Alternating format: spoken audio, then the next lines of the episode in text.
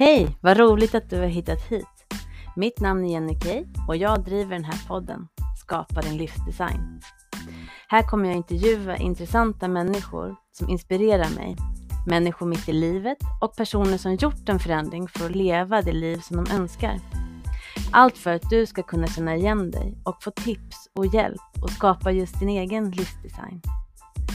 Vi kommer bland annat att prata om tid, energi och pengar i en härlig blandning. Jag hoppas att du vill följa med på poddresan Skapa din livsdesign med mig, Jenny Kay.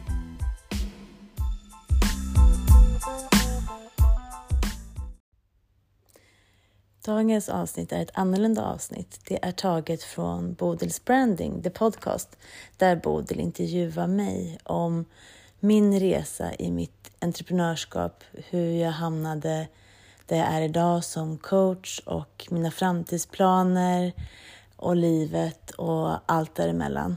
Plus att hon frågar mig såklart saker om time management och vilka råd och tips jag ger. Och jag gillade verkligen det avsnittet. Jag varit väldigt, väldigt glad när jag hörde det. Att hon är sjukt bra på att intervjua och fick fram mina känslor och precis personen som jag är, vilket jag tycker var fantastiskt. Så då bad jag Bodil att få det klippet och eh, sända på min podcast. Och det var hon så bjussig på att bjuda på. Så här får ni det. Varsågoda, håll till godo. Välkommen till Bodils Branding. Jag är en Stockholmsfotograf med ett hett intresse för branding och marknadsföring. Här intervjuar jag både experter på sånt och andra olika sorters entreprenörer. Några etablerade och andra helt färska. Meningen är att du som inte är expert ska kunna lära dig någonting som du kan ha nytta av och även spegla dig i andras berättelser. Jag är så glad att du är här och följer med mig på den här resan. Jag heter Bodil, jag är fotograf och brandingentusiast på upptäcktsfärd.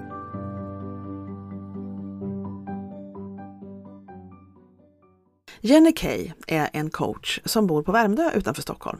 Och det hon hjälper människor med det är att hantera sin tid och förebygga stress på det sättet. Det är väldigt många som känner att de inte har någon tid och, och bara jagar runt utan att förstå att det faktiskt finns tid att hämta. Tid att om man strukturerar om och ser vad man spenderar sin tid på så kan man göra väldigt mycket förändringar som verkligen kan hjälpa en. Och det är någonting som Jenny som sagt hjälper till med. Och det här var ju ingenting som hon liksom föddes med, den egenskapen eller den kunskapen om hur man gör det här utan det var någonting som hon lärde sig den hårda vägen. Hon säger själv att hon inte blev utbränd men därmed utmattad eh, i sitt jobb. Um, och då när hon gick och fick hjälp med det här, då så förstod hon att den här rollen ville hon ha. Hon ville hjälpa andra med det här problemet som hon hade upplevt. Och hon säger att vi kan alla möjligtvis känna att vi har samma sorts problem men alla olika människor eh, behöver olika verktyg, olika sätt att lösa problemen på. Eh, det, är hon väldigt, det tror hon väldigt starkt på. Så Jenny berättar om, om sin eh, resa fram till det här. Vi pratar om det här med time management och varför man känner sig stressad. Vi pratar om det här med vad innebär det liksom att förlora sig själv? Eh, vad är det för någonting egentligen? Och så berättar hon om hur hon själv tänker runt sin egen tid och hur hon lägger upp sina dagar. Och hur lätt det är att faktiskt falla i fällan av att känna sig liksom lite offer för brist av tid när man är ja egentligen människa och företagare. Så här kommer eh, samtalet med Jenny. Ja, men nu sitter jag här med morgonpigga Jenny Kay. Jenny Kay, det är ditt riktiga namn va? Det är inte sån här stage name, utan det är på riktigt. Nej, nej det är mitt riktiga. Ja. ja. Var, kommer, var kommer ditt företagsnamn ifrån då, Minova? Minova coaching kommer från mina barn. De heter mm. Melissa, Novali och Walter och Melissa stavas ja. då med MI. Så jag har tagit ja, de två första bokstäverna. Ja, men det är faktiskt fler som har gjort, tagit barnens namn och gjort någonting av. faktiskt. Det var mm. jättetrevligt. Ja, du ser, där kommer det ifrån. vet vi det. Ja. Vi satt just och pratade så här lite grann när vi började här om att, att, eh, att jag Alltså ska jag, kallar jag mig för morgon, för du är ju morgonpigg, officiellt morgonpigg. och, ja. och, jag, och jag är liksom, eh, jag vet inte vad jag ska kalla mig, jag tror jag är både och. Jag var mera kvällsmänniska förr, jag kunde vara vaken och jobba mycket längre förr eh, eller jobba säger jag, i typ naturligt tillstånd. Men eh, nu tror jag det har förändrats lite grann. Sådär. Om jag liksom inte ställer klockan, då vaknar jag vid åtta. Mm. När går du och lägger dig då? Men jag vill gå och lägga mig senast klockan elva. Ja. jag senast skulle lägga mig. Så jag Mm. försöker hålla mig till att jag börjar göra i ordning mig redan vid halv elva för Ja. att komma i säng. Ja. Ehm, och det är lite svårare såklart nu när barnen har sommarlov och så, för de ser ju Mm. inte någon eh, sluttid. De tror att Nej. de får vakna dygnet runt då. Ja. Men, men annars vill jag göra det, för jag vaknar automatiskt. Ja, men någonstans halv sex, sex vaknar jag. Ja. Och då Men det är väl så, man kan, liksom, man kan liksom ställa in, kroppen blir inställd på en dygnsrytm, som de säger det. Går, det är mycket, mycket med det här systemet, att sova bra och sådana saker, att få god sömn och hålla på och ha någon ordning på dygnsrytmen så ska man liksom typ gå upp och gå och lägga sig samma tid hela tiden, ehm, även när man typ är ledig och inte behöver gå upp eller behöver gå och lägga sig. Så. Ja, det är väl det bästa. Och sen så är det ju den djupsömnen, den kommer ju egentligen eh, in, alltså tidigare än vad man tror. Att sover man, går man och lägger sig där vid 11, då hinner man ju få den här ordentliga, komma in i ordentliga djupsömn. För på morgnarna så sover man inte lika bra, visar olika typer av Nej, studier. Nu är inte jag sömnexpert, men vad man hör så sover man ju sämre. Så de som går och lägger sig sent och ändå får samma timmar, men kanske vaknar Mm. vid 10 på morgonen, de får Mm. inte samma kvalitet på sömnen som de som går och lägger sig lite tidigare. Mm. För det finns någon, Nej. någonting som är inbyggt i oss där. Det märker jag. Man vaknar till liksom flera gånger på morgonen och sådär. Det, det har jag liksom upplevt. Ja, ja det Mm. var ju, det var ju, för du, du har ju en verksamhet, du kan berätta själv vad du har för verksamhet tycker jag Jenny. Gör det. Berätta vad du håller på med. Mm. Eh, jag har en coachingverksamhet där jag dels eh, hjälper privatpersoner men också företag. Och det jag hjälper till med mestadels det är att få ihop de olika delarna i livet. Så Mm. jag kallar mig för time management coach eller stresscoach. Mm. För det är det som mina klienter har, det är det de brottas med. De har Mm. svårt att få tiden att räcka till till det de vill och de vet egentligen inte vart de lägger sin tid. Så när jag Mm. börjar jobba med dem så hittar vi flera timmar, men till exempel på slöskrollande eller att de kollar på Mm. tv eller att de ja, kanske bistår med massa arbetsuppgifter som inte ligger på deras bord egentligen. Eh, och då Mm. blir de stressade för att de, då hinner de inte med sitt eget. Så då håller jag på att hjälpa dem att delegera och omprioritera sitt, ja, dels sitt schema för arbetslivet men även för privatlivet. Just när det, Mm. ja, det är lätt att bli projektledare, speciellt för kvinnor. Det börjar väl ändras lite vad man kan se med att när pappor börjar bli lite mer föräldralediga så börjar Mm. det problematiken bli för dem också. Mm. Att de tar mycket vabb och föräldraledighet och då får de också problem med sitt Mm. ja, men Ja, livspussel. visst. Men hur, för det här är väl någonting som ändå är, för speciellt för de som har småbarn tänker jag, eh, Mm. ofta att det är liksom att de flesta känner att de inte får till det. Men hur kom du in på det? För, att, för det här, jag tänker att det här, är- alla har problem med det här tills de liksom börjar komma på hur de ska lägga upp det. Men, men de som kommer till dig, känner de sig bara, är det ofta att de kommer att ha sån, sån stress och de, de måste bara ta hjälp? Eller, eller är det sådana som börjar tänka, åh, jag kan nog tweaka det här och göra det här bättre. Alltså vilka, vilka, vad har de för behov, de som, eller vad är de i för tillstånd när de kommer till dig? Liksom? Mm. Oftast, jag skulle ju vilja ha dem som bara eh, får så här ping, jag skulle kunna behöva göra någonting för att fika, men de, Ja. de eh, tänker inte att de behöver ha hjälp, för då har Nej. de bara lite mycket just nu och är lite stressade och överväldigade, så de tänker att det går över. Utan de jag får till mig, det är antingen de som är superstressade och håller på att bli utbrända, eller så Mm. är de redan utbrända, men att de Mm. håller på att komma tillbaka.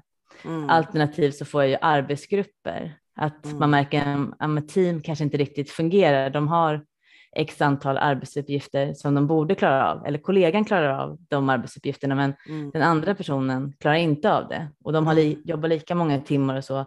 Och då ham- handlar det ju om att de inte kanske kan prioritera, strukturera. Eller att de gör Nej. mycket saker samtidigt och hela tiden är stressade för det som händer längre fram. Att de inte kan Ja. göra en sak i taget och liksom göra upp en Mm. tydlig planering. Mm. Men är det här något som du har liksom kunnat automatiskt eller har du fått liksom lära dig den hårda vägen? Liksom? Hur, hur ser det ut för dig? Nej, jag har lärt mig den hårda vägen. Jag, Mm.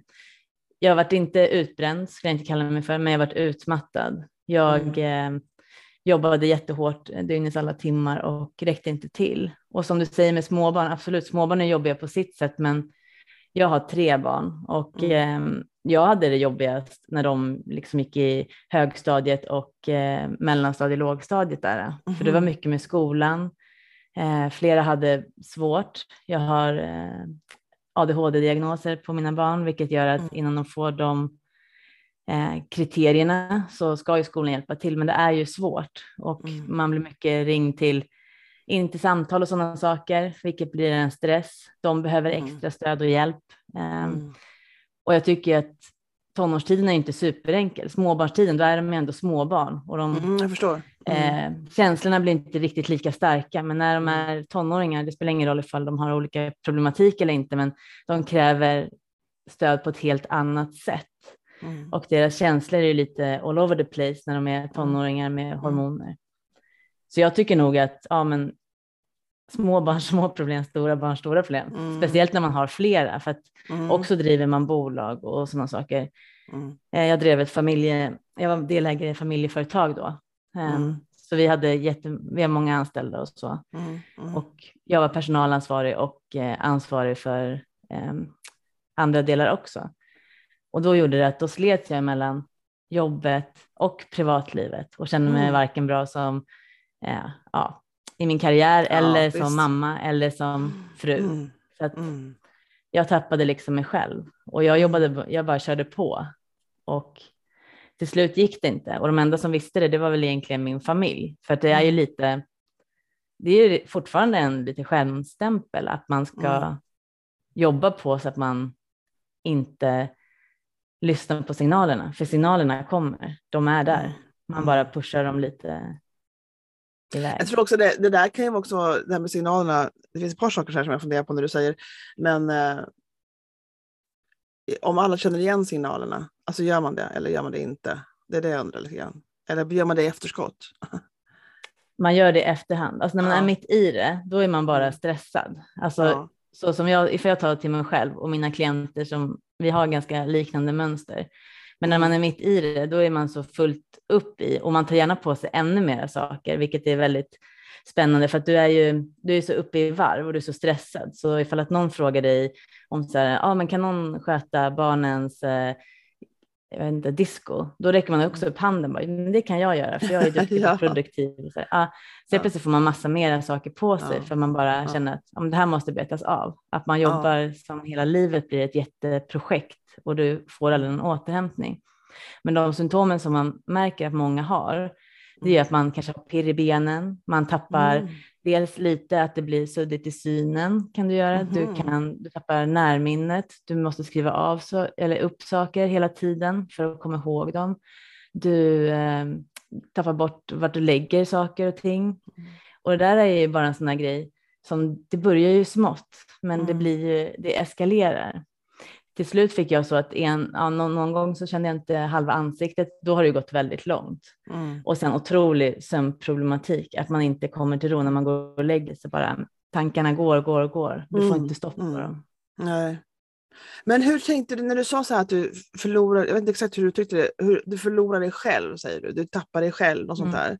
Vad, Mm. För det är någonting som man hör ett ut, folk uttrycka, man, att man tappar, eller hittar tillbaka till sig själv kan man säga ibland och sådana saker. Mm. Vad, hur kände du, hur, hur, hur liksom mm, definierar du det, tappa dig själv, hur du hade tid för dig själv eller vad var det som gjorde att du, att du hade den beskrivningen på det? Ja, men till exempel som innan det började gå, livet började snurra så där extremt fort för mig. Att jag inte Mm. hade tid för att reflektera eller återhämta eller göra det som jag verkligen tyckte var roligt. Mm. Då till exempel så bakade jag mycket. Jag gillade att hitta på alltså, picknickar och lite små äventyr och sådana saker. Jag var mera med vänner. Jag eh, gillade att läsa Mm. lite till och från. Jag, Mm. ja, jag gjorde saker som jag gjorde för mig själv. Och helt Mm. plötsligt så visste jag kanske inte riktigt vad jag gillade, för jag hade ing, Mm. det fanns inget utrymme till någonting annat.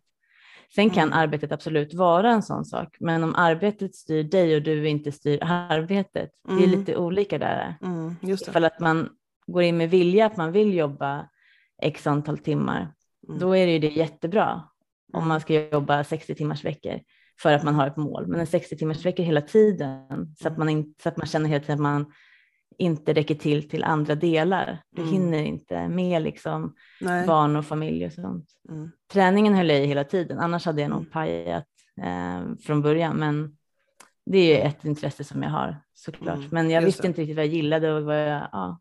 Nej, jag förstår. jag förstår. Det var annat som tog liksom prioritet hela tiden än ens egna behov och glädjeämnen kan jag tänka. Eh, det där mm. är jätteintressant. Men sen så tänkte du då att när du hade tagit igenom det här, antar jag att det var, så tänkte du att det här mm. ska jag göra business av. liksom. Ja, det var jag, det är två ben där kan man säga. Dels så började jag gå till en coach för att jag skulle ja, prata och reflektera och ha någon som inte eh, kom med lösningar egentligen, mm. utan lösningarna vill jag helst ha själv och det är också en process att man vill helst inte bli tillsagd att men du behöver vila eller jobba med det här istället eller du kan få de här arbetsuppgifterna. Då känner man sig bortprioriterad utan mm. För att komma framåt vidare då är det viktigt att man får bestämma själv hur man vill mm. för att man ska må mm. bra i det. Mm. Så då fick jag rekommendationer av en jättebra coach som jag gick till och hon och jag benade ut det tillsammans. Och när jag gick till henne, det var då jag kände att men det är det här jag vill jobba med egentligen. För jag brinner för människor, jag älskar kommunikation och olika typer av beteenden. Mm. Så då sökte jag till en eh, coachutbildning och till holistisk coach som handlar om, holistiskt innebär helhet, att alla mm. delar eh, hänger ihop. Mm när jag gick den utbildningen så gick jag den med intuition att jag skulle starta ett eget bolag. Men jag kände ändå så här, jag måste kika vad det är för någonting om det verkligen passar mig. Men så fort jag hade börjat där så kände jag bara wow, det här det vill jag göra. Mm. Jag vill jättegärna hjälpa andra och speciellt de som kommer ja, men från min bakgrund. Att man mm. är en driven person, gillar att prestera, har barn, familj och så. Mm. Det har ju, jag tror det här har hänt jätteofta, att människor som är coacher har själva gått till en coach och känner liksom att de vill då hjälpa till med sånt som de själva kanske hade problem med. Liksom. Att, och det tycker mm. jag är jättebra eftersom man har en egen erfarenhet av någonting och verkligen förstår de människorna som kommer till en. Och det, det är väl nästan en förutsättning skulle jag vilja, ja, det kanske inte är, vad vet jag om coachlivet, men, eh, men liksom att det är någonstans att man, att man vet ju verkligen vad det är det som folk går igenom. Och, det, och man är väldigt lämpad då, om man har tagit sig ut på andra sidan och kommit fram till några strategier och sådär, att då hjälpa de människorna. Och jag tror att man kan också få en, um, det blir också mera en trygghet för de som kommer. Att jaha, du har varit här också, liksom. du, har känt, du känner igen det här, du har varit värd. Liksom. För det är det jag tänker ibland när man går sån här vikt, eh, som till exempel jag gick med i TRIM för några år sedan. Och och trodde liksom att mänskligt var uppdelat i massa olika delar. De som aldrig haft viktproblem som levde på ett helt annat sätt och de som hade viktproblem och, och hade väldigt mycket vanföreställningar om hur det låg till, att, hur det låg till med viktuppgång och viktnedgång. Och då var det mm. svårt att respektera, eller respektera gjorde jag verkligen för det var väldigt trevliga människor där. Men de liksom, det här med att någon, att, jag skulle egentligen hellre vilja gå till dem, för man hade ju coacher där och sådana saker också. Varje vecka så vägde man in sig. Och sådana ja. saker. Och då, då var det svårt liksom, med någon som springer maraton liksom smal som en sticka. Och, och liksom aldrig har varit tjock och det här att man inte förstår hur det är. Och det, och det blir mm. liksom mera um, en trygghet om någon, ja jag har gått ner 15 kilo och nu är det så här. Liksom den, för mig i min värld då, som har det som det som problem. Um, ja, i alla fall, så det, det, tror jag är jättebra. Väldigt bra. Har du känt det själv att du har känt att det här funkar eftersom jag har varit där? Ja, det tycker jag.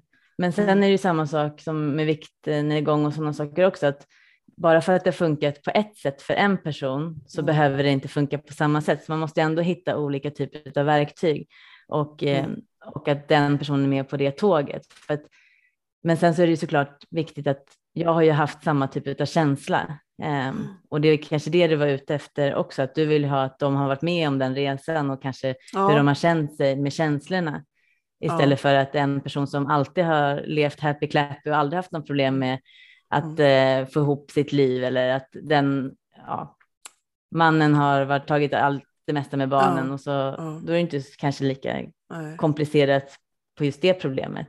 Nej. Och då är det ju skönt att ha någon som varit med i den resan. Men sen så är det inte alls samma sak att de behöver hjälp med samma typ av saker eller att det, Nej, de verktyg jag, jag, har mm. använt funkar. Men det är därför man har en palett. Som coach har du ju många olika typ av verktyg som alla mm. coacher tror jag egentligen använder samma typ av mm. delar. Men man måste ju se vad som passar klienten. Mm. Ja, så är det alltid.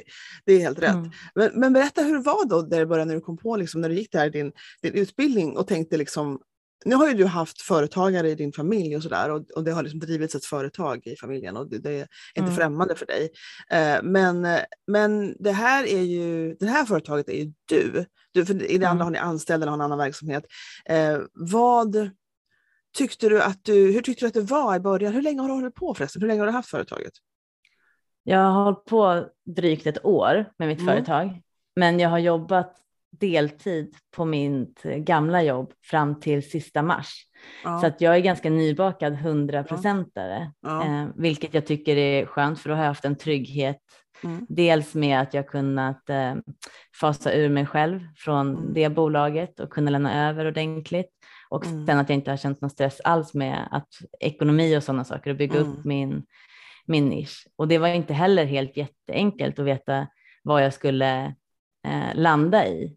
Nej. Eh, att coacha, för man kan coacha väldigt brett också. ja, just det. Och det tar ju ett tid, en tid. Och sen tar det tid också, för jag har inte jobbat som coach innan, så att jag hade inga Nej. klienter eller sådana Mm. saker. Ehm, så att då kände jag att det var skönt att jobba ja, 50 procent där jag verkligen Mm. hade, så att jag inte bara um, satt ensam på min kammare. För Mm. det är också ganska jobbigt ifall att Mm. man inte har några klienter det, där, det där är att rekommendera tror jag om man liksom ger sig ut för att, som, att, att ha flera inkomstkällor är ju inga problem. Eh, jag jobbade deltid i tre år innan jag klev av som heltidsfotograf. Mm. Eh, så jag, då var jag lärare innan och höll på tre år överlappande, gick ner i tid och höll på tills jag klev av. Då. Eh, men, och det gjorde jag för att, och då klev jag av vid det till, jag började förstå att det var där åt det hållet det lutade lite grann, men jag var inte helt inne mentalt på att helt sluta vara lärare. Eh, men jag ville gå ner mer i tid och så fick jag inte det, då var jag tvungen att välja vad jag skulle göra helt enkelt. Så då, då Mm. klev jag över i fotograf, heltidsfotografvärlden. Eh, men hur, hur tänkte du då runt din, ditt sätt att bygga företaget och liksom, vad hade du för tankar runt din marknadsföring, hur du ville ha det? Alltså, jag vet att du gick en kurs för Amy Porterfield, eller hur? Ja, precis. Mm. Så jag har gått en kurs för det och sen så har jag byggt min första eh, webbkurs som jag håller på att lansera just nu. Så att den kommer Mm. vara färdiglanserad när det här släpps. Men Mm. den lanseringen är jag inne i just nu. Men Mm. sen så har jag också gjort väldigt mycket via sociala medier. För Mm. min tanke var ju corona var när jag gick den här eh, utbildningen. Jag hade den Mm. precis börjat. Men min, det var väl ingen tanke att corona skulle hålla på så himla länge. Nej. Jag är ju inte van att marknadsföra mig alls på eh, sociala medier och sånt, men det var ju bara att, att ta tjuren i hornen och börja försöka Mm. lära sig det. Mm. Eh, jag är otroligt mycket bättre på att nätverka eh, in person, för det har jag gjort väldigt mycket tidigare också. Mm. Att jag gillar Mm. att prata och konversera och jag är nyfiken Mm. på andra. Mm. Men där ser jag att det är lite svårare för mig i sociala medier. Men jag försöker, jag började på Instagram för att jag var rädd för Mm. LinkedIn, en sån här klassiker att LinkedIn känns lite Var du, läskigt. var du rädd för LinkedIn? På vilket sätt var du rädd? Jag, jag tror att man kan tycka det är tråkigt när man först går dit, men vad var du var rädd för då? Nej, jag var rädd eh, ja, för mina gamla, dels mina gamla kunder skulle se Aha. att jag hade bytt bransch när jag fortfarande Ja. också jobbade på andra. Det var inget Ja. problem för företaget, men jag hade någon så här, ah, vad ska de tycka? Och sen så var jag ju, eftersom att jag var ny så tyckte jag att jag tyckte det var lite stelt och lite läskigt och jag var rädd för att säga Mm. eh, saker jag tycker och tänker, vilket inte alls är i linje med mig. För träffar man mig i person så är jag kanske ganska till och med plump och så här, säger Mm. väldigt mycket vad jag Mm. tycker och tänker för att Mhm. det bara kommer så här, Mm. flygande till mig. Mm. Eh, men så kan man inte riktigt göra. Och sen så har jag ju eh, dyslexi, vilket gör att jag inte riktigt är duktig, eller jag är inte duktig på att stava, Mm. eh, vilket också är enklare att ta kanske på Instagram, för det känns lite mer som hopp och lek för mig, för där är man ju van Mm. från privatlivet, medan LinkedIn ska vara så business-wise. Mm. Men när man väl började så tycker jag inte att det är farligt, så nu har jag hållit på där väldigt, där är jag väldigt aktiv också. Jag tycker det är Mm. jätteroligt. På LinkedIn? Ja. Jag tror att det handlar om vilka man, man till slut... För mig har det varit så att jag, när jag kom in, jag älskade Instagram och det var där jag var hela tiden och, och liksom uh, um, umgick så, höll på aktivt. Det, känns så konstigt att prata om det nu för just nu har jag en sån här sommardipp. Jag, Ja. liksom, jag har så här, oh my god, liksom. och, så, och det beror lite grann på att jag inte har några nya bilder på mig, så jag har vissa bilder från förra sommaren. Typ. Eh, så jag, och det kan stoppa mig lite grann när jag inte har bilder, så jag måste bara ta tag i det och gå ut och fixa lite bilder på mig själv. Men, men grejen är att jag, ehm, när jag kom in på LinkedIn så tyckte jag att det var så, trå- det var så tråkigt, det var som en helt annan look. Liksom. Och Mm. det var människor som kom upp i mitt flöde som jag inte var intresserad av vad de höll på med och det kändes liksom inget kul. Liksom. Eh, men sen började jag liksom jobba ganska aktivt på att kurera mitt flöde. Så jag Mm. eh, började liksom engagera mig att hitta människor som jag tyckte var kul. Och det är säkert världens sämsta metod, men det var så jag gjorde. För jag söker liksom underhållning.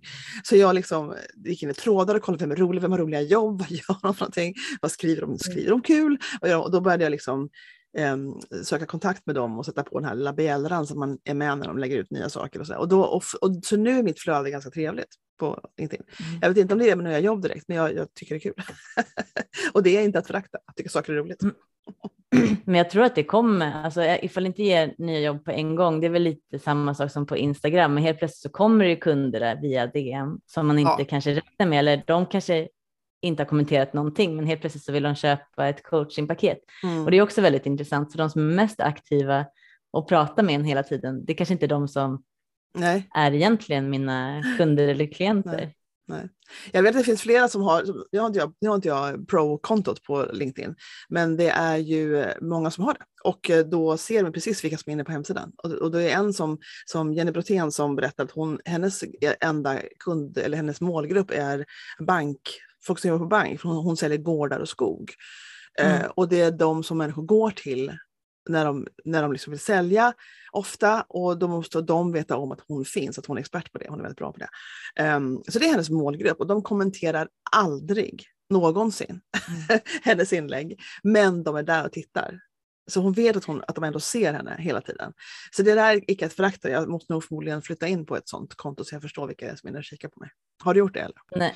Ja, jag har gjort så också, Mm, på, mm. speciellt när jag började, för jag hade ju, jag var inte aktiv innan, så jag hade kanske Mm. bara, jag vet inte, 70-100 någonting som jag Mm. hade kontakt med där, för det var ingenting som jag använde i min business heller Nej. innan. Så då började jag liksom göra olika målgrupper som HR till exempel, är ju för mig Mm. en ganska viktig del och Ja. även eh, chefer, för att jag vill ju också Mm. göra workshops och eh, föreläsningar också, handlar om tid, Mm. alltså ifall att de ska ha en kurs eller en ek- effektiviseringsdag för sina Mm. anställda, då vill jag vara med på deras näthinna. Mm. Att, ja, men då kontaktar vi Jenny, för hon är duktig Absolut. på time management stresshantering. Visst. Time management låter ju väldigt sexigt alltså, för att man känner ju liksom att, att det är någonting som alla känner att oh my god, min tid räcker inte till, det finns säkert någon som kan fixa det här. Eh, och Ja. det finns ju mycket ute på nätet om, om det, liksom att eh, vara Mm. effektiv med sin tid och sådana saker, olika Mm. system och, och grejer. Ehm, och det är också väldigt så här sjukdomsfritt när man bara pratar om time management, om att, man hanterar sin tid. Att ingen behöver Mm. nämna då att egentligen håller de på att gå under. Utan, utan kan du Nej. inte bara ge mig några timmar till om dagen för jag känner att jag inte riktigt får till det. Jag kan tänka mig att det finns en yta ehm, på det du erbjuder och det du säger att du erbjuder om det här med tid. Att det finns många som kan tänka sig att eh, få lite hjälp med det. Men att Ja. de kanske inte vill prata om de djupare problemen som ligger under eller symptomen kanske eller hur de känner sig. Ja, de kan ju komma efter, efter ett tag. Mm. Det kan ju också vara ifall att man vill, ifall att man har något problem att man vill komma från A till Ö någonstans. Mm. Då behöver man kanske ha flera samtal, för då räcker det inte bara med ett samtal. Men vissa samtal med time management, då räcker det kanske med ett, för det kanske är att de vill ha ordning på sin kalender. De kanske vill Ja. göra olika mm, delar, att de delar upp det i olika boxar vad de gör under en Ja. dag och sen kanske Ja. att vi färgkodar dem så att man lätt ser Ja. Sådär, ja. men idag har jag en klient, idag har jag en, eller här har jag en klient och här har jag att jag behöver göra admin och här behöver jag skriva en offert. Så att man lägger in det och så har de olika färgkoder, vilket gör att det blir dels trevligare att titta i kalendern, men du ser ju också direkt när du tittar att, ja men till exempel ifall du, ja men nu har jag en fotograf session här och då vet du att då måste du ut på stan och så. Men den andra dagen kanske du har bara att du ska redigera. Ja, men då kan Mm. du sitta hemma. Då behöver du inte tänka på att konka med dig eller att kameran ska vara laddad och hit och dit, för då är ju det allting redan klart. Att, Mm. och de sakerna kan vi sätta upp. Det tar ju inte, det behöver du inte göra fler, flera gånger. Sen så är det alltid med time management eller ifall att du ska göra en förändring så är det enklare ifall att du har någon som är liksom bakom och frågar hur det går. För ifall att man bara gör, sätter upp olika strategier och så ska man följa det själv, Mm. då är det ju väldigt svårt att faktiskt nå till mål, för du hamnar ju också Mm. tillbaka i dina gamla vanor Ja. ganska fort. om man inte har lite mm. uppföljning. Jag kommer ihåg när jag, det här med time management, det här att få till att känna sig um, som ett offer för mm. hur systemen ser ut eller hur kanske avsaknaden av system ser mm. ut. Det, det, är ju någonting som är ganska är väldigt frustrerande. Men också så tycker jag också det har en viss um, liksom det är en förnekelse som ingår i det där. Att man liksom mm. känner att man, och det tror jag, och jag tror att, för jag kommer ihåg när jag hade jag, jag, alltså, grejen är att när man, är väldigt, om man har mycket kunder, om man har för mycket kunder och inte hinner med kunder, då är man ju, mm. då är i princip ett symptom på att man är för billig. Alltså det man har, man, de, det man är för billig, för, för många kan liksom vilja ha en.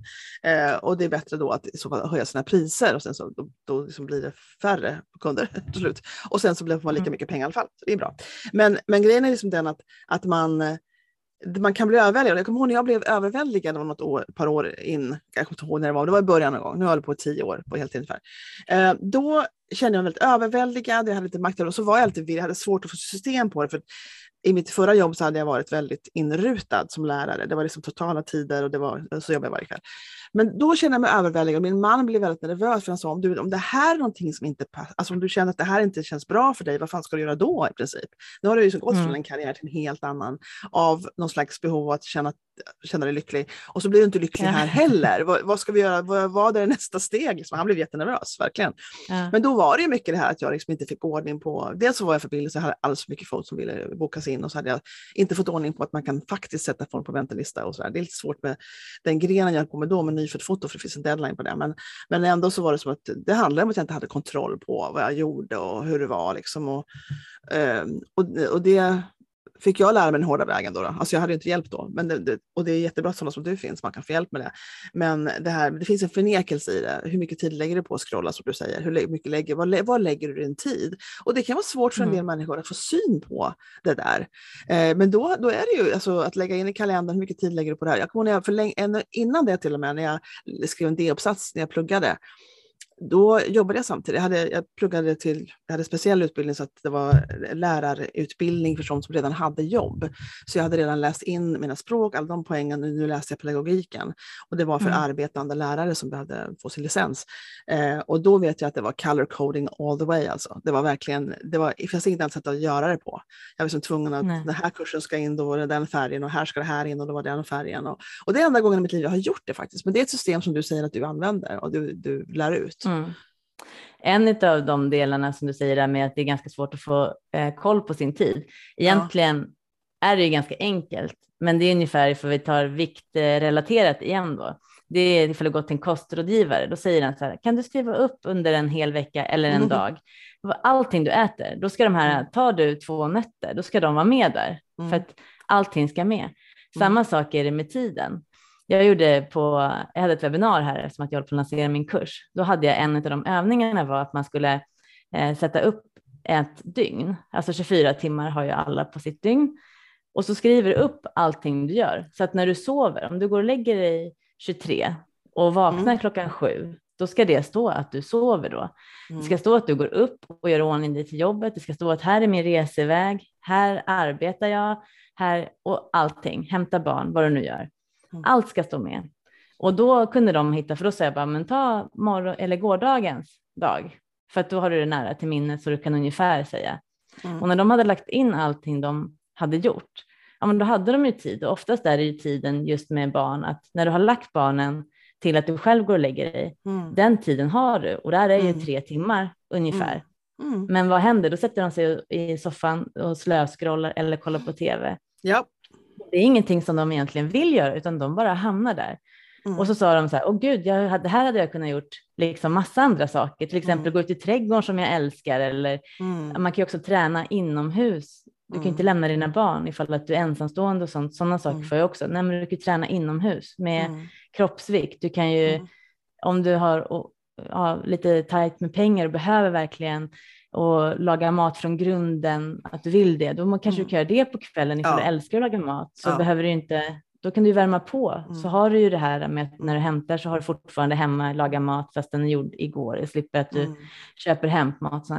Det finns ju lösningar, men du måste ju se vad lägger jag min tid på och är det så att du tycker att tv är din hobby? För det är många som tycker tv är jätteroligt och det finns ju massa vetenskapliga tv-program eller bara för att det är kul eller sport eller vad som helst. Ja, men då har du gjort ett aktivt val. Mm. Men att inte göra ett aktivt val, det är också ett val. Mm. Ehm. Det, där, det där tycker jag är jätteintressant att man väljer det här, ett aktivt val, att välja aktivt och inte liksom bara flyta med. Um, mm. Och det här är också, och då kommer det tillbaka till att hitta de saker som, som är värdefullt för en. Som, och det är mm. likadant i företagande. Man lär sig till exempel att jaha, nu trodde jag att jag ville jobba exakt med det här och så märker man när man börjar jobba i det systemet eller med den produkten eller med de sortens kunder så märker man att det här var inte exakt min grej. Men jag har upptäckt, Nej. eller kanske man har flera olika grejer så märker man att det här vill jag nog, eller så märker man inte det, men man borde märka att man vill fasa ut vissa mm. saker och liksom ta sig mer, luta mer åt andra hållet mot något som man känner att det här går jag igång på. Det här är min grej. Mm. Men då gäller det verkligen att man känner att att, att man har respekt för hur det känns. Att man inte, mm. att man, och förstår att det är okej att, att um, skriva till handling baserat på vad som gör en lycklig liksom, och vad som, vad som inte, inte känns relevant för en. Um, mm. Och, då, och då är då det som blir, blir som flera, flera delar i det här. För exempel, jag pratade med en, en kvinna nyligen och vi var väldigt lika i att vi slappnar av i att titta på flera säsonger av någonting, när vi är verkligen totalt inaktiva och inte produktiva, när vi kollar på tre säsonger av någon sån serie. Och det är ett sätt att totalt koppla bort liksom, produktiviteten. Sådär. Mm. Um, och, eh, och det, så det har jag märkt att det är lite min grej när jag känner att jag vill, nu är jag ledig, nu har jag jobbat, nu ska jag ledig, då kollar jag på liksom serier. Och det, och, det, mm. och det vet jag om att det är så det funkar. Och när jag vill jobba så kan jag jobba liksom hela tiden och sent på kvällen och allting. Men då har jag, som du säger, att man väljer och inte hamnar och sen känner sig frustrerad i att man inte får någonting gjort eller känner sig frustrerad med de grejer man har lagt tid på. Eh, det är ju fantastiskt. Ja, men, ja som du säger, det är jättebra för då har du gjort ett aktivt val. Men många är ju frustrerade för de kanske inte hinner med det de egentligen vill. Mm. Och så lägger de saker på en tv-program. Det kanske inte ens de som har valt. Det kanske är mannen som sitter och kollar mm. på tv oh och jag och min man, ja. vi har inte samma, inte samma tv. Gud våra YouTube-kanaler är som att vad är det här för en alien liksom, ställe jag har hamnat på? ah, det är Michaels konto, okej. Okay. För han, han älskar också att kolla på tv. Han jobbar jättemycket och så, men han tycker att ja. det är skönt att kolla på tv ja. på kvällarna. Men då blir det ju så att eftersom jag inte tycker om det som han tittar på. Jag, vi kan ju titta på någonting tillsammans som båda två jämkar i för att ha, ha mysig tv-kväll också. Men jag tänker inte ha det som varje vardag att jag kollar Nej. på någonting som han tycker är mm. jättekul men jag Nej. tycker är skittråkigt. För ja. att det gynnar ju inte någon av oss utan då kan jag istället göra någonting som jag tycker är väldigt roligt ja. istället för de timmarna. Absolut. Men vad tycker du, har du märkt nu, nu vet jag att du är i början och sådär, men du har ju liksom, ett år är ändå en viss tid som har passerat. Och jag tycker så här, mm. vad har du, vad har du um, upptäckt då under den här delen? För jag antar att du hade en, för, det har ju alla, en föreställning om hur det kommer att vara. Tror jag att alla har. Jag kommer inte ihåg om jag hade det nu, men jag tror det. Eh, och har du, har du upptäckt någonting som du känner att jaha, det var så här det blev, eller är, eller som du inte visste? Som företagare eller med mm. kund? Med, ja. Ja, det är ja, som företagare ja. och med kunder. Dels hade jag ju helst velat att pandemin skulle gått över fortare. ja, ja. För den föreställningen hade jag att jag skulle kunna komma ut till företag och representera mig mycket tidigare och mm. de öppnade ju upp och sen så stängde de ju ner flera gånger. Mm. Så det har ju varit och sen så är ju företag fortfarande att de arbetar hybrid. Så mm. där tycker jag att det har varit en längre startsträcka. Nu gör jag ju också att jag tycker att saker och ting ska gå lite, lite fortare än, mm. än vad det kanske gör. Men det mm. har ju varit en lärdom för mig att eh, allting tar tid. Längre tid ja. Ja, ja, ja. längre tid än vad man tänker sig för att komma in på stora, eh, större bolag och sånt. Och att referenser och sånt är ju otroligt eh, viktigt att man kan hänvisa till. Mm. Så att jag har ju fått gjort om mig lite istället för att jag skulle gå egentligen ut hårdare mot företag och så, så har inte de haft några konferenser. Konferenserna öppnades ju också upp först nu. Så då har jag fått mm. gått om och börja bygga ja, men en e, eh, onlinekurs istället mm. och coacha digitalt, vilket jag också tycker att egentligen tycker att det är roligare att coacha eh, alltså fysiskt. Mm. För att det är lite lättare man sitter liksom med varandra i rummet och man känner av känslor på ett ja. annat typ av sätt tycker jag. Men vad kände du var, var eh, tweet, så du tweakade din marknadsföring? Du kände att du var tvungen att in på sociala medier på ett annat sätt än du hade tänkt dig? Var det så det var? Hade du tänkt, mm. vad, hade du tänkt dig egentligen? Hur skulle du marknadsföra? Vad var, din, vad var din vision av hur du skulle marknadsföra dig? Min största marknadsföring var, skulle vara egentligen vid nätverksträffar, till exempel mm. med kommunträffar och sådana saker. Jag är med i. Företagarna. De är jättebra. De har jättemycket bra olika typer av nätverk och de har ju kommit igång nu igen och då träffar man ju andra företagare så pratar man ju om ja, allt möjligt egentligen. Man pratar mm. ju både business och att man bara pratar om livet i allmänhet. Mm. Just för att man ska lära känna, det blir ringar på vattnet. Mm. Um, och sen hade jag tänkt att jag skulle komma ut mera till företag och presentera mig, att jag åker mm. ut mm. istället för att ringa, kalla samtal tycker jag inte är super mm. eh, roligt, utan då åker, skulle jag hellre åka ut till ett företag och, och få prata. Ja, då, utan, ut, menar du utan att ha någon kontakt där först, eller hur tänkte du då? Ja, dels ja. det också. Ja. Kalla besök kan man kalla det för. Ja, precis. och inte personen i fråga där, då kan man ju bara lämna någon liten eh, grej så att de Alltså då har man i alla fall gjort första insticket där och då har man en typ, även fast jag inte har någon relation så har jag en insikt på men hur funkar företaget, vad kanske de hade på sig för kläder, hur pratade receptionisten med mig och sådana mm, saker och då mm. kan jag ju ta med det till nästa eh, kontakt när jag kontaktar personen i fråga och då får jag oftast ett namn om jag åker ut. Mm. Om man ringer så är, kan det vara att eh, det är många filter för att komma fram till den personen man vill träffa. Mm. Och då är det oftast lättare ifall att man kommer ut och visar sig, för då är det svårare för dem att säga att de inte riktigt vet vem det är. Mm. Medan i telefon då säger de, ah, men jag skickar ett mejl till personen i fråga och så kanske man inte hör någonting för att det är, mm. det är liksom filtret emellan. Mm. Så det kanske aldrig kommer upp till de personerna för de får så mycket mm. sådana typer av mm. samtal. Så att, så att, eh, men nu tänker du att, men hur har, du liksom, hur har det känts nu när du har kommit igång med sociala medier? Hur, hur känns det nu? Nej, men nu tycker jag det känns bra. Men jag har också väldigt mycket bilder på mig själv och där ska jag nog också börja göra lite mer typ av inlägg som är text från början så att de ser tydligare eh, vad det är för att man ska kunna marknadsföra sig. Jag har ju mycket tips och olika saker i min text eh, under mina bilder, mm. men själva bilderna behöver inte alltid säga det som texten gör.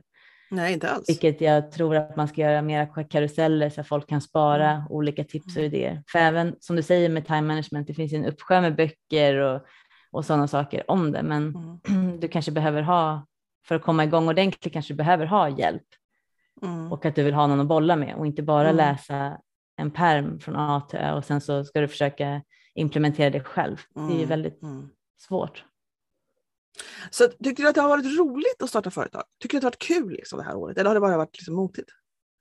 Nej, det har varit jätteroligt, men det är ju jättemycket saker att lära sig hela tiden tycker jag. Mm, eh, som jag inte heller hade tänkt mig. Alltså, små saker som eh, när man startar allting från grunden. Det är också med marknadsföring, men att lära sig att skriva, alltså vart man tar in sin marknadsföring, till exempel nyhetsbrev eh, skriver jag också för att få den här igenkänningen.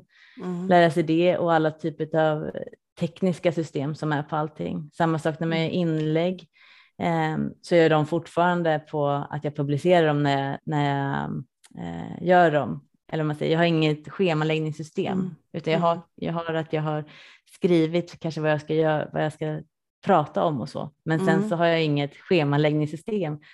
Det är det nästa grej som jag egentligen behöver ha, speciellt nu till sommaren. Men då är det mm. ett steg till att välja en så här teknisk pryl. jag tycker det, det, en del använder ju Facebooks uh, business suite och så där heter det, där man kan lägga in grejer. Och så finns det mm. en som jag använde förut som heter Later som jag kan rekommendera om det är så. Den, uh, mm. men, det, men det är liksom um, Ja, alltså det här är ju, det var ju, nu vet jag, att jag pratade med Jenny Persson på Solena, som när jag först pratade med henne första gången så hade hon inte ett, ett sånt Eh, system alls. Hon hade ett system, hon la in det tror jag i Notes, på mm. telefonen och på datorn. Men sen så när jag pratade med henne nu ett år senare så hade hon ett system som hon använde. Hon mm. också sköter andras konton och hade varit lättare där att göra det. Ja, men det som är viktigt, viktigt är ju också att man, att man är närvarande när man lägger ut. Så att man, för mm. jag hade system en gång när det spottade ut automatiskt och det var innan jag liksom fattade att jag måste engagera mig i kommentarerna. Um, för det kan lätt bli så att man är liksom lite frånvarande. Hoppsan, där gick det nu. Det aktiverade, eller där um, autopublicerades det här inlägget och då var man liksom nowhere to be found i, i de som reagerar på inlägget sen. Så det är liksom lite, um, ja, så man måste ändå vara där när det publiceras. Liksom. ja, men det tycker jag inte är någon svårighet, men just nej. det här med uppstuds och lägga in allting, för det tar ju oftast, oh. även fast man har det klart för sig vad man ska skriva, så tar det ändå en liten stund att lägga upp allting. Eh, Och ja, det där Facebooks egna är väl jättebra, men eftersom jag kör på LinkedIn också så måste jag ha ett verktyg som funkar för ja, eh, båda. Och rent krasst så tror jag kanske att jag ska vara mer aktiv på LinkedIn. Skulle jag välja mm. ett ställe så är det nog LinkedIn som jag det är det nog. Det är det ska nog. vara på. Ja, alltså jag, jag har ju både LinkedIn och Instagram fortfarande kvar, och jag, men jag kopierar bara. Alltså jag kan tweaka lite grann sådär för att få någon skillnad på det, men, men jag, ehm, jag brukar nog oftast först publicera på Instagram, sen lägger jag upp det på LinkedIn också. Samma sak mm. i princip. Men det är nog mm. lite olika, kanske på olika branscher, vet jag. Men, men så gör jag eh, lite grann, att jag liksom bara kopierar upp det liksom in ja. där. Eh, men och sen, ja. En sak till som jag har som en lärdom som jag skulle göra för att jag skulle starta ett nytt bolag eh, till, det är i sådana fall att jag skulle ta hjälp tidigare. Ja. För där är man också lite eftersom att det är så mycket att lära så hade jag lagt alla mina timmar på som jag håller på att lära mig olika saker och köpa den tjänsten istället så skulle mm. jag kunna sälja mer och vilket hade gjort att mitt bolag hade gått fortare framåt. Mm. Eh, så det hade jag ju verkligen gjort. Det är samma sak med bokföring, att jag skulle ju kanske ha lite ut det eh, tidigare. Jag kommer göra det nu först. Mm. För jag, har, jag kan ju med kontering, debit, mm. kredit och sådana saker men det tar ju så mycket tid mm, för mig mot att ge bort det, för det kostar mm. inte så mycket pengar. Mm. Sen såklart ifall man inte har några pengar alls så blir det ju jobbigt att lägga ut det. Men ja, de flesta som jag pratar med nu när jag har scoutat runt, då tar ju de 2000 kronor i månaden mm. eh, drygt för, för min business. Och mm. startar man ett eget enskild, enskild firma så är det väl någonstans där runt omkring. Mm. Och då kan det ju vara värt att göra det tidigare för att sälja in. Det är inte så mycket man behöver Det tror jag absolut man kan tänka på vad det är. Och, och, och, och det tror jag är ett jätte, jättevanligt sätt att driva företag i början. Man ska göra allting själv och man har inte budget för ditten och inte för datten. Och det, och det är olika hur man lägger till dem med pengar och sådär förstås naturligtvis. Men, men jag lejde ut min bokföring väldigt tidigt, det var inte min grej. Men, jag, men mina var dyra, det var liksom inget bra. Det var jättemycket utgifter för mig. Det var inte alls 2000 i månaden på då, utan det var en mm. helt annan sak. Mm. Sen, hade, sen hade inte jag heller ordning på papperna, så det var, liksom, det var, det var mycket omkring jobb. Um, så till slut, men sen kom jag någon slags period när jag inte, det var några år sedan nu, när jag hade verkligen, alltså det här går inte, jag har inte de här pengarna. Jag måste göra det själv, mm. det finns ingen annan väg. Liksom. Och då lärde jag mig och jag gör det själv mm. nu. Och jag tycker inte, men jag får en viss eh, tillfredsställelse av att jag klarar av det. Så jag får en viss mm. mental belöning i att det funkar. Men var det du Jenny, eller var någon annan, var det du som frågade efter en virtuell assistent häromdagen? ja, det är jag, för det är mitt ja, nästa steg nu. Det är det, ja. Mm. Men det är också ja, som att, det är också en fråga allting handlar om tillit, men det gör det ju också på bokföringsdelen, att man måste verkligen lita på det och rent krasst är det med just med bokföring vill jag ha att det är ett team bakom, att det är en byrå. För blir mm. en sjuk eller mammaledig så vill inte ja. jag sitta där, okej okay, då måste jag hitta en helt ny. Nej, um, och med VA är det lite samma saker. Jag vill ju känna otrolig tillit att vi passar som person.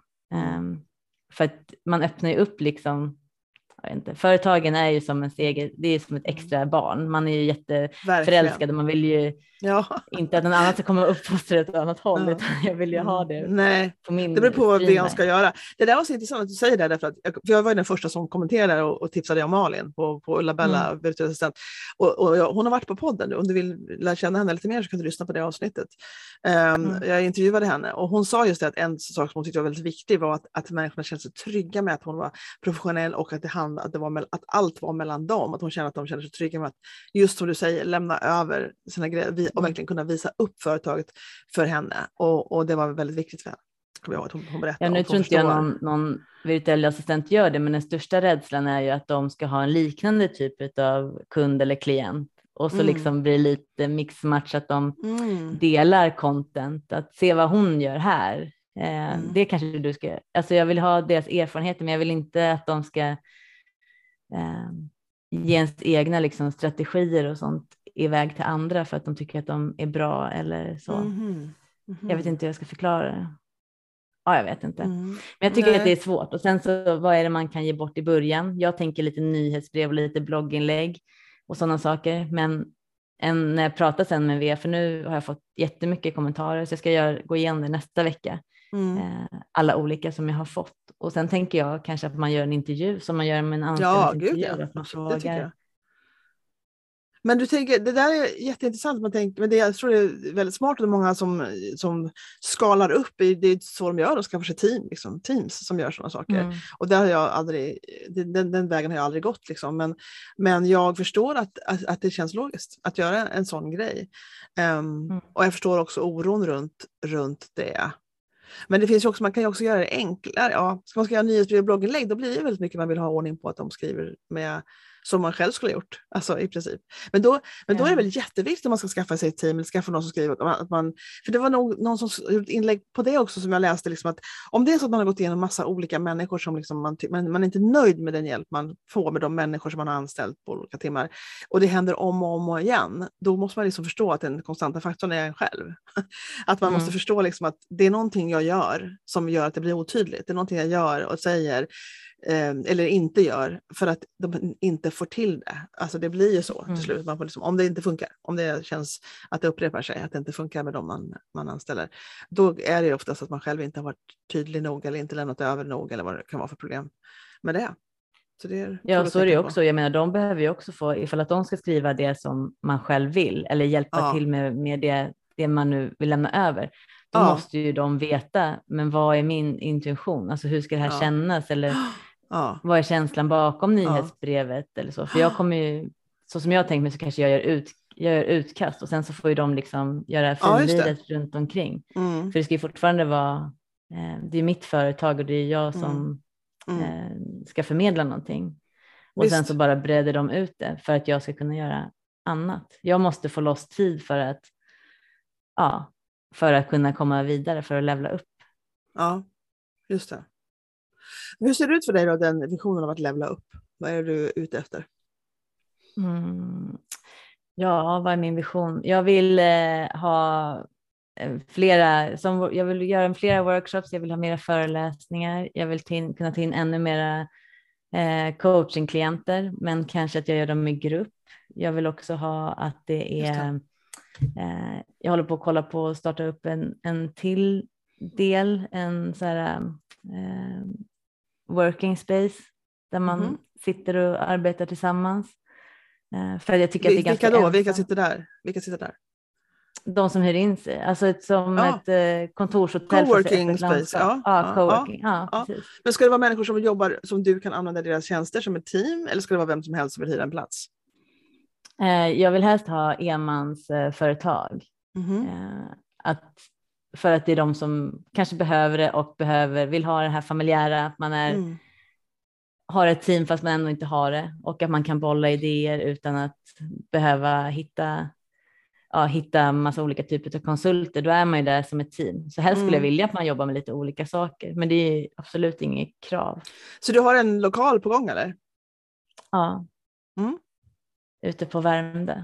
Ja. Så det hoppas jag på att det kommer gå i lås. Så vi ska börja, jag håller på att börja ta in offerter på själva möblemanget och sådana saker. Ja, just det. Just det. Så det kommer bli väldigt spännande. Och ifall jag får det, då kommer jag ju också hålla, hålla på med, med de personerna och göra olika Ja. typer av eh, event där. Ja, just det. Vad Jag älskar Det var ju- event, jag älskar människor, så jag vill ju bara Ja. vill vara med människor och sitta mindre ensam. Ja, jag förstår. Jag förstår. Men vad kul. Vad roligt. Att, och visst är det en- av glädjeämnena med att driva eget, det är liksom att man kan, man kan liksom agera på sina kreativa idéer. Att man liksom, jaha, det här skulle jag vilja göra. Och så bara gör man det. Eller man får skapa det själv. Liksom. Och det är det som är Mm. väldigt, väldigt eh, eh, ja, det är liksom inspirerande och roligt. Det är det som är kul med att driva företag, att man bestämmer sig för att ja, det här vill jag skapa nu. Och så gör man det. Och det är inte, det som, det är inte som att det är lätt. Man måste ju fortfarande Nej. göra jobbet och, och få upp det. Men det, men det är ändå att man följer sin kreativa idéer. Det är väldigt kul. Ja, precis. Men här är det också för att jag har ju letat efter ett coworking ställe här ute på Värmdö, men det finns bara mm. kontorshotell. Annars måste jag mm. in till stan och det blir ju ändå, även fast det tar 20 minuter med bil, så tar det ju ändå en tid in som mm. jag kanske, det är många andra egna företagare som mm. är här och många i Sverige är enmansföretagare. Ja, just det. Ja, men det är kul att du skapar någonting som du har behov av själv helt enkelt och så, så bara, det fanns inte, då får jag fixa upp det på egen hand. Mm. ja, det är ja. jätteroligt. Jättekul. Hur stort det är det? Det blir mitt projekt i hösten. ah, kul. Mm. Hur många kommer att få plats där då? Jag eh, tror att det kommer få plats ungefär 20, mellan 20 och 25. Mm. Så det är inte jättestort men det är... Nej men det är stort nog, det är jättebra. Ja. Mm. Och så vill jag ha det familjärt, lite som att det ska kännas som att de, ja, lite loungeinredning och sådana saker. Visst. Så att det blir visst. mysigt. Mm. Jättetrevligt, det var en jättekul spin-off på din verksamhet här nu tycker jag, verkligen. Och så kan du time managera alla där, så alla får ordning. Precis. Nätverka och så. Ja, ja. men precis. Ja, kul. Um, vad säger, hur funkar det med, ja, du är nytt än så länge, men jag tänker på hur familjen agerar på det här med, men nu har du jobbat i ett familjeföretag i och för sig, alltså, men, men um, har du tänkt på liksom din roll som egenföretagare och driva eget och skapa nya saker gentemot liksom din relation till dina barn och sådana saker? Ja, det är det som hänger med mig väldigt mycket eftersom att det var mm. därför som eh, jag gjorde den här livsförändringen kan man säga också. Mm. Så är det väldigt mycket att jag schemalägger min tid och jag ser till att vara eh, närvarande. Såklart går inte det med när jag har klienter eller olika kunder uppbokade, men mm. jag försöker planera dem så att de inte ska störa familjelivet. Jag mm. håller inte på kvällar och helger. Det kanske jag gör mm. med event då, för då är det mest mm. kvällar och helger antar mm. jag. Men då får jag ändå bocka upp det så att det är viss, vissa typer av tider och dagar. Men mm. sen så har jag ganska fritt, så när jag gör mina admin-saker, om det är så att det blir ja, men som sjukhus, skola, sådana saker, att det blir olika besök eller som nu när Walter, min yngsta, han är bara tio, så han vill ju mm. fortfarande eh, ha hjälp med mig eh, och mm. göra olika saker, till exempel nu på sommaren, inte han har sommarlov, att jag liksom lägger mm. upp mitt schema så att jag jobbar förmiddagar och sen så hittar vi på någonting och sen så kan jag jobba lite senare då i så fall, mm. nu innan jag har gått på semester. Mm. Och det tycker jag, det har jag verkligen med mig, att det är det som är viktigt och det mm. får inte jag glömma bort i det här. Även fast det är superkul att göra en massa nya saker så är det det som jag måste liksom hela tiden ha i bakhuvudet. Mm. Och det är liksom fast etsat där för mig, för det är det som är viktigt, alltså viktigt på riktigt för mig. Det är min familj. Mm. mm. Det där är jätteintressant för man har värderingar, om någon skulle fråga en, vad är de tre viktigaste sakerna i ditt liv, så är många som säger familjen. Ehm, är viktigast, mina barn, mina, min familj. Men, men man lätt ändå sugs, men när man ser på vart man lägger eh, aktiviteterna, hur man, vilken tid man lägger på aktiviteter i sitt schema, så ligger inte familjen i första hand där, utan då ligger mm. annat i första hand och det är väldigt, väldigt lätt att halka dit på det. Att man liksom inte riktigt, att, eh, att um, det, den praktiska implementeringen av det man håller på med inte speglar det man faktiskt värderar högst. Sådär. Mm. Och, det, och, det, och det tror jag är väldigt lätt äh, hänt, att man sugs in i det.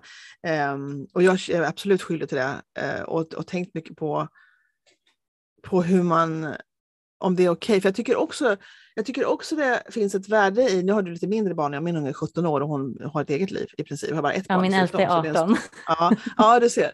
Och det är ett annat tillstånd där. De har eget, hon till exempel hela sommaren nu i västkusten och jobbar där. Um, mm. och, um, så det var ju värre när hon var mindre.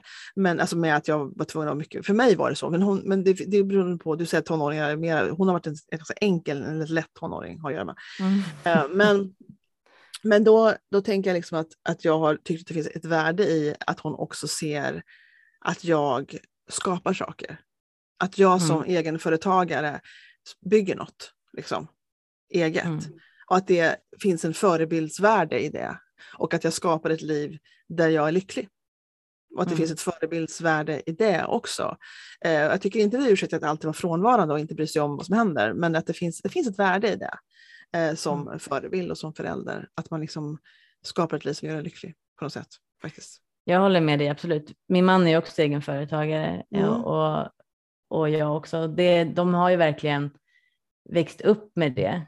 Eh, men sen så gäller det att när man väl kommer hem att man är närvarande. Min pappa, eftersom att det är ett eh, familjeföretag som, som jag var i innan, han startade bolaget samma år som jag föddes och han mm. jobbade hela tiden. Eh, så han var ju väldigt frånvarande, mm. så där var det mamma mm. som var väldigt eh, stöttepelaren. Och så mm. känner jag, så vill inte jag ha, för det, relationen Nej. är ju svår att bygga upp senare och det var lite ja. det jag kände också när det var för mycket där. Men min är nu 10, 16 och 18 och när man mm. säger till folk som har barn till vänner och släkt som har mindre barn, då säger man att ta hand om den här tiden, den kommer inte igen, mm. liksom. den går så sjukt fort. Men de är ju så inne i det också, så det är svårt att föreställa sig sen. Men småbarnsåren känns som att det är en evighet när man just är där. Men mm. sen är den, alltså den går så fort, för sen som mm. tonåringar, de vill inte alltid ha en, utan de vill ju ha en när de behöver. Mm. Men när de behöver en, då är det ju på riktigt. Mm. Ehm, så tycker jag är skillnaden, för då är det mycket mm. känslor och mycket annat mm. som är, eller press från skolan och sådana saker. Ja, och det, det, tycker jag är viktigt att kunna vara, vara där. Jag håller med, jag håller med, verkligen. Eh, det är intressant att säga det, som att de verkligen behöver det. Är som att man flyter omkring och känns som att de inte har, vet att man ens finns hemma. Explicit. men, men, sen, men sen när de behöver den så är det på riktigt. Så är det, absolut. Ja. Jag håller med. Och sen tycker jag också att det är värdefullt för de ser att vi jobbar och för det så ska inte de bara få allting gratis heller. Så mina jobbar ju också, eh, mm. mina tonåringar, tonåringar precis som, som din, att de ska gärna ut i arbetslivet så fort mm. som de får för att känna ja. på att de också behöver arbeta. Det här var ju svårt på pandemin. När hon var redo för sommarjobb, när hon kände att hon nu vill faktiskt ut och jobba och tjäna lite pengar här, eh, mm. då så var det pandemi. Så de här lätta jobben, för det fanns liksom inga, inga jobb i mm. princip då. Eh, men nu har det börjat ta sig igen, så nu fick jag tag i något här. Men det var ju bra där. Eh, men okej, okay, så nästa steg för dig är att ehm, LinkedIn känner du lite mer hemma med. Det känns som du har kommit fram till att det är ditt hem när det gäller marknadsföring. Eh, och sen mm. har du en ny spin-off med det här. Jätte, som du, verkligen, du fyller ju en, en, en marknadsbehov där på Värmdö, vad jag förstår. Mm. Eh, mm. och så, där. så du har, du har liksom att göra. Um, men eh, det ska bli spännande att se hur, hur, det kanske blir så att du droppar coachinggrejen och bara kör din, din co-working space. Vad tror ja. du om det? Nej, det tror jag inte. Men Nej. jag kommer nischa ner mig ytterligare, för i början så var det ju så att jag coachade lite på allt. Jag kommer i början nischa ner mig mer med ja. att jag verkligen förhåller mig till tid och stresshantering, ja. för det hänger ju så, så tajt ihop. Ja. Eh, och det är det jag egentligen brinner för, att man med små, små enkla medel eh, kan man göra jättestor skillnad. Ja. Jag tror nisch är en jätteviktig eh, insikt. Alltså det, för det, det mm. blir mycket lättare att marknadsföra sig, det blir lättare liksom att uh, veta vad man ska skriva om och prata om och, och sådana saker. Men mm. det är mm. också viktigt att du berättar om dig själv, man liksom lär känna dig i processen, för det har du ju redan gjort. Så det håller du på med mm. nu ju, så det blir jättebra. Uh, jag tror att man, man kan nischa sig alltså mycket mer än man tror, till och med man kan nischa sig på vilka man faktiskt vill jobba med. Alltså inte, alltså mm. man kan säga liksom, det här jag gör med de här människorna och det, det blir inte mm. fel. Liksom, utan det, det finns en, man kan eh, grotta ner sig ganska rejält i en nisch och, och det brukar vara ganska framgångsrikt. Så det tänker du jättebra på tycker jag. Och, och det kan till och med jag som känner, känner mig nischad tycka att jag har svårt med att um, det är min nästa steg. att uttrycka mm. mer, vem är faktiskt min kund? Liksom? Vem är det faktiskt som jag Eh, vill eh, jobba med. Eller jag har väl en viss idé, men jag har inte pratat så mycket om det. Sådär. Mm. Nej, men det är läskigt också att nischa ner sig, för det blir som att man tycker att man exkluderar massa, så ja, man är rädd att man tappar kunder. Ja. Men det är det de säger, för man hjälper alla så hjälper man ingen. Ja. Det är ingen som känner sig träffad. Men... Man blir mycket tydligare när man är nischad. Alltså ja. mycket tydligare. Ja. Men, det, varit, men det är men väldigt vanligt att vara rädd för det. Ja. Sen i början kanske man inte heller vet det, för när jag började då ville jag ju egentligen coacha alla, alltså så. Eh, men för jag visste inte riktigt vad jag ville foka på mm. och då måste man ju få göra det en viss tid också, för där mm. var jag ganska stressad, speciellt när man gick vissa typer av utbildningar när de var mm. så här nischa, nischa, nischa, så visste man inte mm. riktigt, för man var lite överallt, ja. popcornhjärnan ja. bara poppa Visst. på med olika ja. idéer. Ja. Och det här ja. kan jag göra, det här kan jag göra. Och då blir man också stressad för man behöver nischa ner sig och så kanske man går fel. Så jag tror man får vara lite bred precis i början. Men så fort man börjar hitta sin hjärtefråga så ska man följa den. Så, så ska man följa den, absolut. det, det låter ju jättelogiskt. När jag skulle började så var det porträttfotograf i största allmänhet som jag tänkte, och bröllop, jag bröllop och barn och allt möjligt. Eh, mm. Och sen så upptäckte jag av en, eh, på ett seminarium att det fanns nyfött foto, att den existerade. Då blev jag jätte, jättekär i den genren genom de bilderna. Och så började jag liksom göra bara det. Och jag kommer ihåg när jag fortfarande hade lite andra fotograferingar och kände mig mer och mer frustrerad över det, för jag ville bara hålla på egentligen med det där. Eh, mm. och, och, nu liksom så eh, är återigen lite grann att jag vet vad jag håller på med med brandingfotograferingen, men jag känner även att det är lite mer som att jag måste vara tydligare med eh, vilka jag pratar med. Att jag måste, liksom, jag måste mm. prata med dem som tycker att det här är någonting att ha och inte försöka utbilda dem som inte bryr sig om brandingfotografering. Jag tycker det, det där, där ska, där ska ja. jag jobba lite hårdare på att prata mm. och uttrycka mig omkring det jag håller på med med sådana som verkligen känner att ja, det här är min grej. Eh, vi mm. behöver inte ens förklara vad det är till för, utan det, det här kommer jag behöva. Liksom, ungefär så. så där har jag lite jobb att göra, att förstå det. Mm. Eller jag förstår det, men jag har inte gjort så mycket. Men, men det är väl jättebra att lägga energin på den, det, ja, den saken. Ja, jag tror det. Och hur man uttrycker sig. Att, att man som sagt, det, det andra jag pratar med som försöker göra samma sak. Att jag ska prata med dem som fattar det från början. Det är liksom mm. det jag erbjuder. Eh, för det är, det, det är där som är mina kunder. Men, men att prova sig fram och förstå att det kan förändras. Att saker som man kan tycka är roligt och man kan tro att en kund är precis den kund man vill ha. Sen har man den kunden, eller man kanske har flera olika kunder och sen så är man är man med någon och så känner man att det här var verkligen, det var jätteroligt att jobba med dem, det här funkade precis så. Det är det som blir um, symbolen för drömkunden sen. Men man visste inte det innan man träffade dem. Liksom. Ja, och våga ändra, för det är också ja. väldigt många som tycker att de behöver köra samma bana som de har valt från början, men att man, oh, ifall man verkligen känner att någonting annat är bättre för ja. en själv, då är det bara att våga ja. ändra, för du, det är det som är det fantastiska med att vara egenföretagare. Ja. Du får ju göra precis som du vill, för det är ditt företag. Du får göra som du vill. Ja, det här tror jag, alltså det, det är så sorgligt, men jag glömmer verkligen det. För jag tror att de har liksom piskat in sig, liksom att, att jag ska jobba så här mycket tid, för annars är jag inte produktiv, mm. om jag inte jobbar mellan 9 och 5. Och jag har liksom, att, man inte, att det häng, hängs upp på eh, att vara produktiv och att vara liksom, eh, ansvarsfull och liksom framgångsrik, hängs upp mm. på kriterier som liksom inte är relevanta. Eh, ja. och, och, men det var relevanta kanske när man var anställd, men inte nu. Och, nu, och det som skärmen med att driva eget är liksom att det är faktiskt du som bestämmer hur du vill ha det. Ja. Om allt, det är fantastiskt. Om allt, ja visst. Ja, och, det, och det tar ett tag innan det sjunker in liksom lite grann. Att det är det. Då, man, har, man, man får bestämma helt själv och så även så har man ansvar själv. På att det ja, precis. Man ska vara sin egen chef och den kan vara jättebra ibland och så kan den vara jättedålig ibland också. Ja, ja, ja mm. absolut. absolut. Att, att, att vara sin egen, att driva på sig själv, att vara sin egen liksom, projektledare. Det, för mig var det svårt för jag var så väldigt styrd i lärarjobbet. Och liksom, de här barnen, det här rummet, den här tiden, det fanns liksom ingen flex där. Mm. Um, och då hade, jag, då hade jag väldigt svårt när jag liksom plötsligt satt med tre timmars liksom oplanerad tid. Jaha, nu har du en eftermiddag på dig, vad ska du göra då? Då hade jag svårt att vara produktiv i början och förstå hur jag skulle lägga upp mitt arbete, att vara min en egen alltså arbetsleda mig själv. Det var jättesvårt för mig i början och det tror jag kan vara väldigt olika, men för mig var det extremt mm. svårt. Jag fick nada gjort alltså, och kände mig liksom helt frustrerad. Men sen så, sen så kom jag in i det eh, allt mm. eftersom. Mm. Så det, och det kan vara olika för hur man är wired. Ja.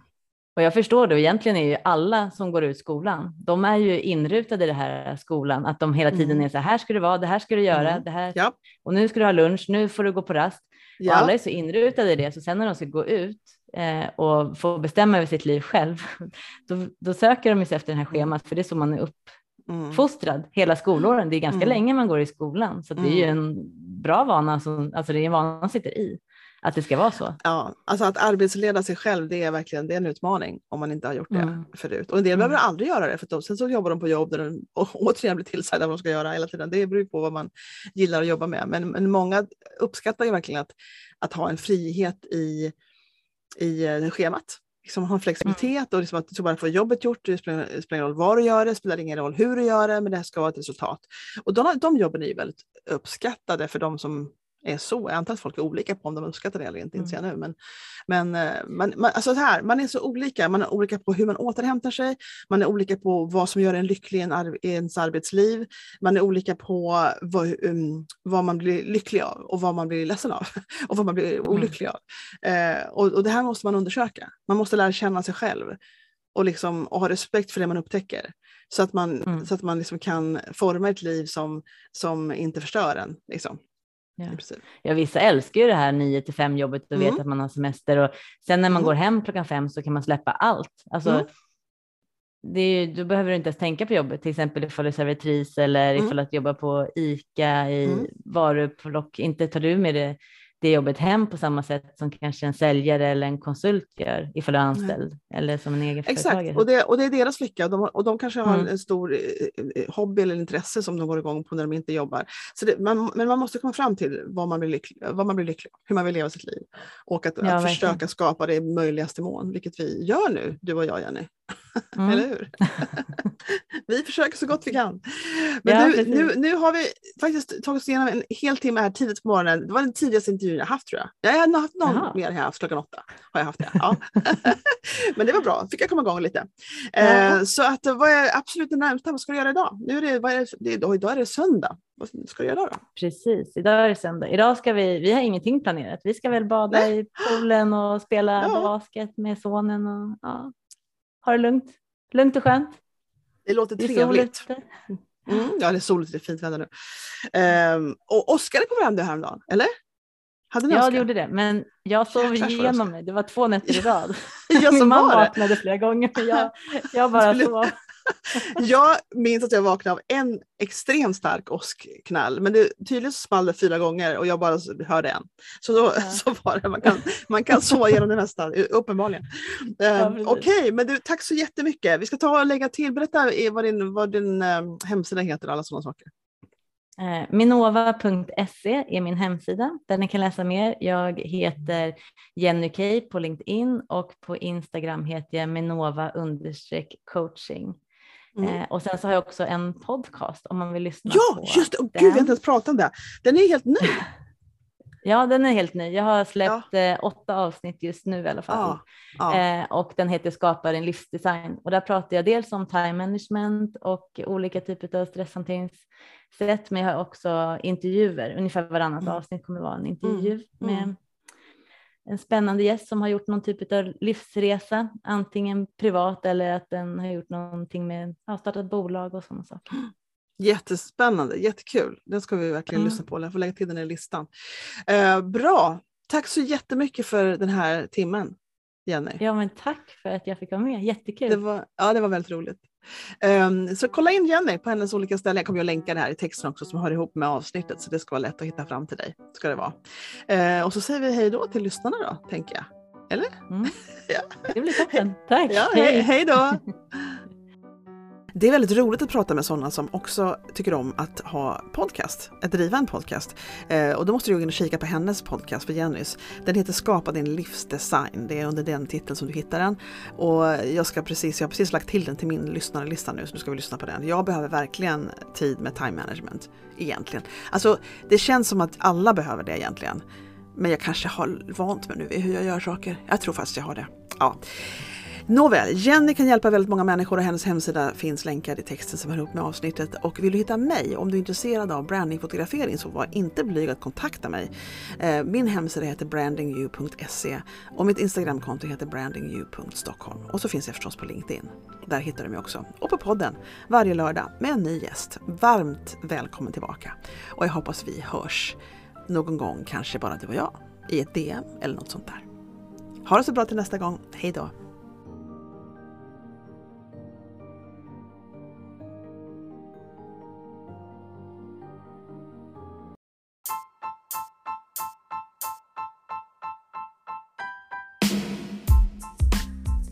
Jag tror och hoppas att med den här intervjun att ni får känna mig lite mer på djupet. För jag tycker som sagt var att hon fick fram väldigt bra saker. Och Bodil är fantastisk på att intervjua. Så att är ni sugna på andras entreprenörsresor eller resor, livsresor och sånt så tycker jag verkligen att ni ska gå in och kika på hennes podcast. Jag lägger med alla länkar till henne och även till hennes hemsida om ni är sugna på brandingfotografering. För mina bilder, många av mina bilder som är från hemsidan är tagna av just henne och hon är även fantastisk där och fångar just vad man själv är ute efter, att hon får rätt känsla för rätt person. Så gå in och följ henne på Instagram och lyssna på hennes podcast och så hörs vi igen nästa vecka. Ha det så gott!